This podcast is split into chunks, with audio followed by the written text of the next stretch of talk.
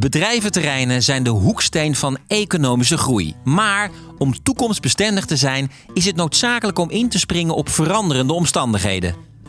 Ik ben Daan Nieber en voor de serie Meer dan een mooi terrein spreek ik met bevlogen ondernemers en experts over toekomstbestendige bedrijventerreinen. Meer dan een mooi terrein is een podcastserie van het programma Duurzaam Door. Dit programma van de overheid stuurt aan op het organiseren van samenwerking om de duurzame transitie te versnellen. Zoals bij bedrijventerreinen. In deze aflevering staat het belang van een goede business case en financiering centraal. Simon Smedinga is directeur van Leger des Heils Reshare en kan ons daar alles over vertellen. Hij heeft namelijk een circulair sorteercentrum laten bouwen op bedrijventerrein A1 in Deventer. En daar heb ik met hem afgesproken. Hallo, Dani Ber. Ja, goedemorgen. Goedemorgen. Goedemorgen, Simon Welkom. Smedinga. Ja, dat klopt. Ja. Van het Leger des Heils Reshare Textiel Hergebruik te Deventer. Ja, dus wat wij eh, doen in Nederland is eh, inzamelen van textiel. Zodat we, zoals wij eigenlijk al 135 jaar eh, zo'n beetje doen. Nu een beetje op een andere schaal als 135 jaar terug. Maar ja, dat, dat doen we en daar proberen we mooie dingen mee te doen. Met name gericht op duurzaamheid, hergebruik van, van textiel. Van dat wat de Nederlandse burger inlevert. Zeg je nou dat jullie dit al 135 jaar doen? Ja, wij be- bestaan als Leger des Heils zo'n 135 jaar. En eh, in het verleden ja, ging het met name om de mensen die niet veel te besteden hadden... of gewoon ook simpelweg arm waren, eh, te voorzien in, in kleding. Nou, dat is een beetje ontspoord tot eh, deze schaal, zou ik maar zeggen. Dat is behoorlijk ontspoord, want ja, we staan hier op een, gigantisch bedrijventerrein voor een prachtig, nou ja, ik zou bijna willen zeggen spiksplinternieuw pand. Volgens mij is het behoorlijk nieuw. Van, wanneer is dit? Dit is van, eh, van eind 2018 en 2019 zijn we de operatie begonnen. Dus ja, in zekere zin is het eh, zo goed als nieuw. Ja. Even over bedrijventerrein. Hè. Bedrijventerrein A1 hier in Deventer. Wat voor terrein is dit? Hoe groot is dit? Wat voor bedrijven zitten hier? Ja, als je kijkt naar dit be- bedrijventerrein, dan was hier eigenlijk eh, vanaf het moment dat wij hier gestart sta- eh, zijn, stond hier, was dit eigenlijk nog eh, weiland. En er stonden er een paar bedrijven, maar inmiddels wat je ziet, je ziet een groot magazijn van Aldi, je ziet van de Valk, je ziet nog een, een, een fietsteam zoals DSM. Sligo zit hierachter en er worden in de tweede fase van het bedrijventerrein eh, wordt nu een groot magazijn bijvoorbeeld van Plus eh, supermarkten gebouwd. Straks meer over het sorteercentrum Leger des Heils Reshare. Een bedrijventerrein is niet een plek waar je graag komt. Het wordt als lelijk beschouwd en vaak over het hoofd gezien. Toch is een bedrijventerrein interessant en belangrijk. Iemand die er alles over weet is Kees-Jan Pen, lector de ondernemende regio aan de Fontys Hogeschool Economie en Communicatie. Ik spreek hem via een videoverbinding. Jij hebt toch een soort van passie, lijkt het, voor het bedrijventerrein. Waar komt dat vandaan? ja, eigenlijk al van heel jongs af aan was ik altijd al sowieso bezig met de geografie. Eh, en ik heb economische geografie gedaan. Dus dan ben je bezig met de ruimtelijke vertaling van die economie. Ja, en dan zijn bedrijventerreinen hele belangrijke plekken daarin. Er zit heel veel werkgelegenheid, bedrijven, bedrijven clusteren daar. Het is ook het type industrie eh, waar heel veel wordt gemaakt. Dus het zijn ook hele interessante studieobjecten. En zeker nu qua verduurzaming kun je daar soms zeggen heel veel eh, potentie eh, uithalen als je beter samenwerkt, als je elkaar kent. Naast dat ze inderdaad misschien niet zo mooi zijn, maar ja, is dat, is dat nou het meest belangrijke? Een groot deel van onze economie wordt daar gemaakt, verdeeld, verrijkt. Er zitten natuurlijk allerlei eh, industriële bedrijven ook die producten maken die wij concreet nodig hebben. Dus dat noemen ze dan wat meer theoretisch stuwende bedrijven. Hè, dat levert dus heel veel banen op, ook weer voor andere bedrijven. Dus daar wordt en zeker nu gemaakt, daar wordt afval verzameld, daar is heel veel energie nodig, daar wordt geproduceerd. Wat natuurlijk eigenlijk wel, ja, ook voor ons dagelijks leven natuurlijk hele belangrijke gebieden zijn. Alleen we zien dat misschien niet zo. Terwijl jij, eh, las ik het ook echt eh, ziet, en ook, eh, je noemt het ook zo, spannende gebieden zijn het. Spannende gebieden. Wat bedoel je daar precies mee? Nou ja, kijk naar grondstoffen. Kijk, ehm, als wij hè, dus onze circulaire ambities echt willen waarmaken en geen afval willen produceren, hebben we plekken nodig waar al die grondstoffen samenkomen, hergebruikt worden, waar waarde wordt toegevoegd. Dus kijk, ik vind dat soort gebieden waar de ik zeg maar, restpuin van allerlei sloopmateriaal komt binnen. En daar zit een bedrijf die het allemaal in- stromen weer voor andere producten geschikt maakt. Ja. Vind ik wel hele interessante gebieden. Waar met grondstoffen, waar straks producten die we niet te makkelijk weggooien, worden daar weer uit elkaar gehaald, hergebruikt. Dus ja, het lijken misschien gebieden van gisteren, maar daar wordt wel de economie van morgen bepaald.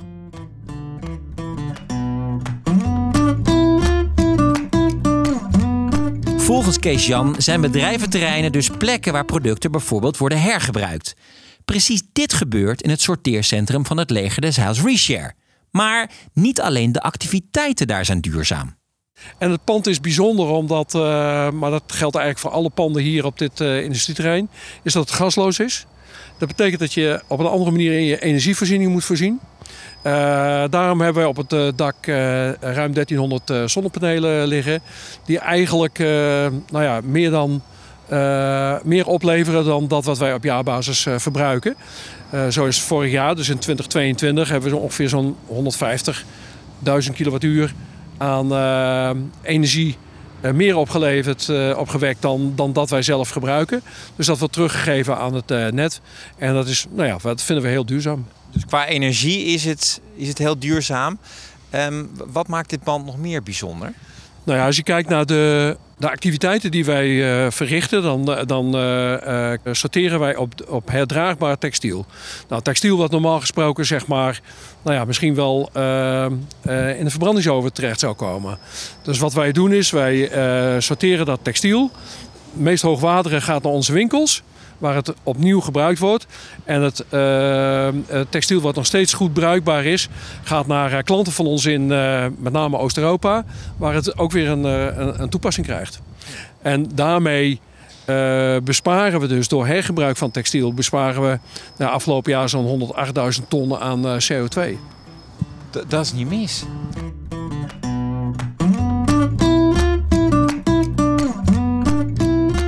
Als je zo'n enorm voortstrevend circulair bedrijfsplan neer wil zetten, hoe doe je dat? Want dit, dit is, uh, ik, ik denk dat dit toch behoorlijk duur is. Uh, ja, maar waar het uiteindelijk ook om gaat, is wat het rendement is van zo'n uh, zo'n operatie. Uh, nou gaat het ons binnen het leger zelfs niet alleen maar om, om de pecunia, om de, de, de, de, de, de winsten die we kunnen maken uit zo'n operatie in combinatie met winkels. maar het gaat ons ook om, om de duurzaamheid. Duurzaamheid is ook voor ons rendement. Nou, vervolgens ga je calculeren wat, wat, wat zo'n centrum kost. Hè? Wat, wat zijn de investeringen en wat zijn de operationele kosten. Daar maak je een businessplan voor. En uiteindelijk moet het zo zijn dat ook uh, wij de voeten droog houden. Nou is het zo dat het, het Leger de Zeils is een enorme organisatie met heel veel mensen. Dus die heeft ook een bepaalde weerstandsniveau nodig op het moment dat het even tegen zit. Weerstandsniveau, wat bedoel je daar precies mee? Nou, het kan natuurlijk zijn dat, uh, dat vanuit uh, regelgeving vanuit de overheid of noem het op, de, de, de subsidiestromen of de inkomstenstromen van het leger de zelfs wat minder zijn. Je hebt wel de verantwoordelijkheid voor ja, de ruim 7400 mensen die bij het leger de zelfs op een payroll staan. Dus de, de, de, de investeringen die we doen of in beleggingen uh, moeten risicoloos zijn. En uh, hopelijk natuurlijk ook een bepaald rendement moeten opleveren. Nou, zo'n investering in zo'n pand is eigenlijk risicoloos omdat als je kijkt naar de, de, de, de waardevermindering van een, een, een pand als dit, uh, ja, die, die, die is gewoon aanzienlijk als je kijkt over een lange termijn. Dus dit pand is ook niet gebouwd voor de activiteiten van, van Richier op dit moment. Wij bouwen en ontwikkelen vastgoed met de gedachte uh, voor de volgende eigenaar. Kan je een concreet voorbeeld geven van, nou kijk, daar hebben we op gelet, zodat we weten dat als wij hier ooit uit zouden moeten vertrekken, dat dit weer makkelijk door een ander te gebruiken is. Ja, dus als je kijkt naar logistieke ruimtes, moeten ze gewoon een zekere hoogte hebben. Nou, dat zie je hier. Dat is een meter of uh, tien en een half hoog, uh, vrije ruimte. Het zijn rechthoekige hallen.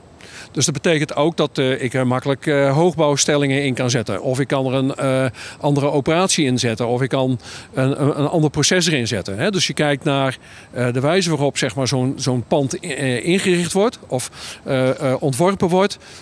met de ogen van, ja, stel dat er de volgende eigenaar een logistiek dienstverlener is, dan kan hij dit pand zeg maar, ja, zonder enige mo moeilijkheden betrekken.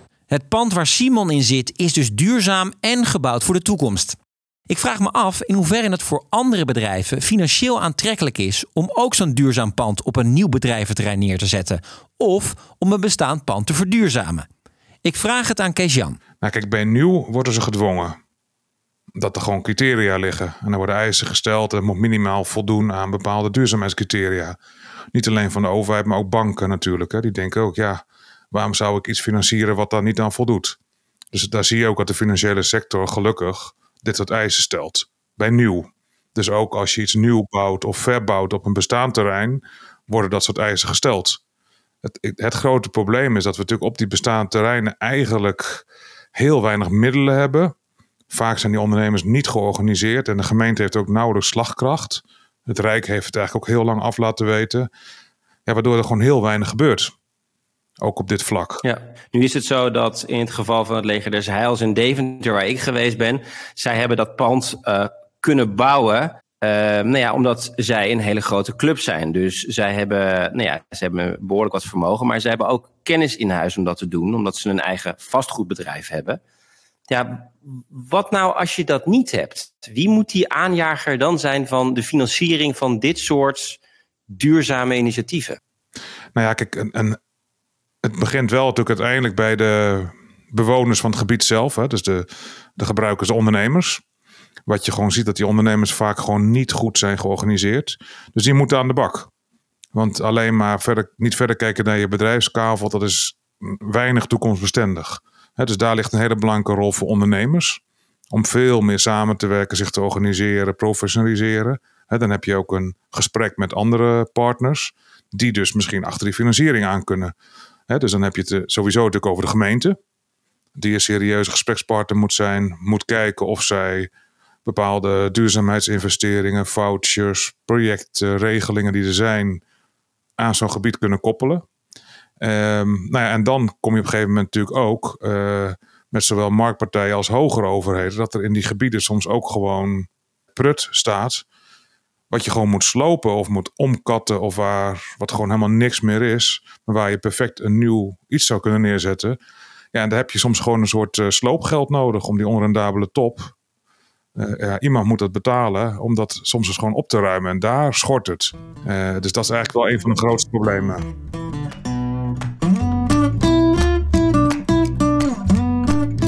Maar hoe komt het dat als je het hebt over financiering, dus ook van individuele panden, hoe komt het dat jij zegt, ook, ook al gaat het inderdaad over één pand, ook in dat geval, als je het over financiering hebt, is het essentieel dat de bedrijven daaromheen samenwerken om financiering in een individueel geval blijkbaar dus van de grond te krijgen?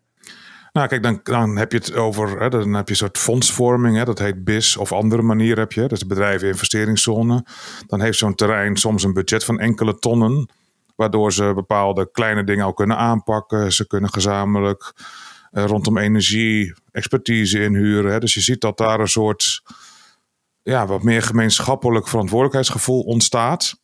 En dat is ook weer een basis om soms weer grotere financiering binnen te halen. Hè? Dat een ondernemer die bijvoorbeeld wel op orde is, wil uitbreiden, uh, zijn terrein wil vergroenen, dan kun je ook misschien bepaalde fondsen weer aan elkaar koppelen. En dan komt ook die overheid kijken dat je soms ook een partij nodig hebt die misschien net even dat extra duwtje geeft of dat kleine minnetje kan oplossen. Ja, en daar kun je alleen zeggen dat wij misschien iets te veel uh, in de koker zijn getrokken van alleen maar de woningnood. Want daar vliegen de miljoenen om de oren. En hiervoor is eigenlijk geen budget. Voor de, hè, dus de bedrijventerrein en ruimte voor werkkant. Dat is eigenlijk ja, bijna niet uit te leggen. Dan komen we eigenlijk inderdaad weer op dat eerste onderwerp waar we het over hadden. Dat het vaak gezien werd, en misschien ook nog wel wordt als noodzakelijk kwaad. Van dat moet nou eenmaal. Daar valt eigenlijk geen duurzame winst te behalen. Terwijl jij zegt, daar valt juist duurzame winst te behalen. Nou, ik ga daar wel zo ver in dat je misschien wel veel meer uh, hoe zeg, veel betere resultaten kan boeken om te voldoen aan het klimaatakkoord dan alle inspanningen die je nu doet om uh, wijken te verduurzamen. Dat moet ook, ook vanuit de energiearmoede. Maar als je echt snelle resultaten wil boeken, zijn het aanpakken van grotere bedrijven, dan kun je misschien wel veel snellere stappen maken. Omdat natuurlijk ook een heel groot deel van het energieverbruik daar gebeurt. Soms al 50, 60 procent lokaal. Samenwerken dus. Dat hebben we al vaker gehoord. Bijvoorbeeld in aflevering 2 op bedrijventerrein De Hurk in Eindhoven. Simon vertelt hoe hij dat in Deventer doet. Hoe belangrijk is het dan dat je dat ook samen doet op zo'n bedrijventerrein? En niet als één pitter? Ik denk dat uh, het begint bij de gemeente. Ik denk dat de gemeente Deventer bij uitstek uh, hiernaar gekeken heeft. En ook bemiddeld en uh, tijd, energie en mensen inzet om met name het energieprobleem op het industrieterrein zelf, samen met aanbieders en bedrijven zeg maar, op te lossen. En die samenwerking ja, dus de, de, de, uh, is de, uh, op het industrieterrein uh, of het bedrijventerrein heel erg van belang. Maar de samenwerking met lokale overheden is zeker zo belangrijk. Dan zo dat als de overheid, de lokale overheid, in dit geval de gemeente Deventer, zegt: Oké, okay, hier komt een bedrijventerrein, dat is gasloos. Ja. Dus dat betekent dat jullie moeten elektrificeren, dat ze er ook voor zorgen dat die mogelijkheid er is. De gemeente heeft die doelstellingen gedefinieerd. En uh, vervolgens kom je in de praktijk erachter dat ja, uh, netwerken overbelast zijn. Dus dat betekent dat uh, je mogelijkerwijs via de gemeente ook wat druk kunt uitoefenen op de aansluiting op het, op het net. En ja, wij hebben eigenlijk het, het, de, de, de positieve ervaring vanuit de gemeente Deventer. Niet om een wit voetje uit te delen aan de gemeente Deventer, maar dat ze heel erg meedenken en daar waar mogelijk ook bemiddelen in nou ja, het, het, tot stand komen van de noodzakelijke voorzieningen. Dat lijkt me op zich ook wel logisch op het moment dat je zegt, ja hier gas gaan we niet doen dat je ervoor moet zorgen dat het ook op een andere manier moet kunnen. Dus je moet wel ook kunnen vertrouwen op die lokale overheid dat die dat dan gaat regelen. Om de financiering van een circulair en duurzaam pand rond te krijgen, is het dus belangrijk om samen te werken. Gemeenten en ondernemers spelen hier allebei een rol in. Tot slot een tip voor ondernemers en gemeenten die aan de slag willen met toekomstbestendige bedrijventerreinen. Je krijgt hem van Kees Jan. Val die uh, gemeenteraad positief lastig. Vertel het verhaal over het belang van deze gebieden. Vaak ontbreekt dat. Als vier bewoners die tegen een bepaalde stoep zijn, vind je de gemeenteraad. Maar vier ondernemers met een uh, paar duizend werknemers hebben daar meer moeite mee. Dus pak veel meer het initiatief richting de lokale politiek en soms ook provinciaal. Ik denk dat dat een hele concreet is wat je kan organiseren. En waarom doe je dat? Nou ja, kom maar met banenaantallen en, en werknemersaantallen, et cetera, van type scholingsniveaus. Dus ik denk dat dat een hele concreet is. En als je het over financiering hebt, omdat we natuurlijk in deze aflevering proberen het vooral ook over die, die financieringsvraag te hebben. Nou ja, kijk, dat, dat ook uh, een gemeenteraad is uiteindelijk ook een kaderstellend orgaan. Die ook financiën vrijmaakt en die ook weer koppelt aan andere programma's. En daar dus veel meer oog voor heeft dus daar, daar ligt denk ik een hele belangrijke. En ik denk ook naar gemeentemensen, wat je toch vaak ziet. En ik merk dat impliciet ook in jouw vraag. Is, is dit nou de opdracht voor de team-economie? Nee, dit is gewoon een gemeentebreed vraagstuk. Het gaat toch uiteindelijk om ruimtelijke ordening. Waarbij je al je gebieden wil bedienen. Dus natuurlijk heel, eh, juist een team verduurzaming, circulair, maar ook sociaal. Zou zich eigenlijk veel drukker moeten maken om deze gebieden. Omdat daar een aantal van hun opgaven samenkomen. Dus daar zie je ook weer te simpel denken van nou, succesteam-economie. Nee, het is gewoon een breed RO-vraagstuk. Terwijl vaak RO alleen maar gaat over waar gaan we nou die 100 woningen bouwen. Dus daar zie je een enorme inhaalslag is daar nodig. Leuk weer dat je luisterde naar Meer dan een mooi terrein. De volgende aflevering gaan we het hebben over energie.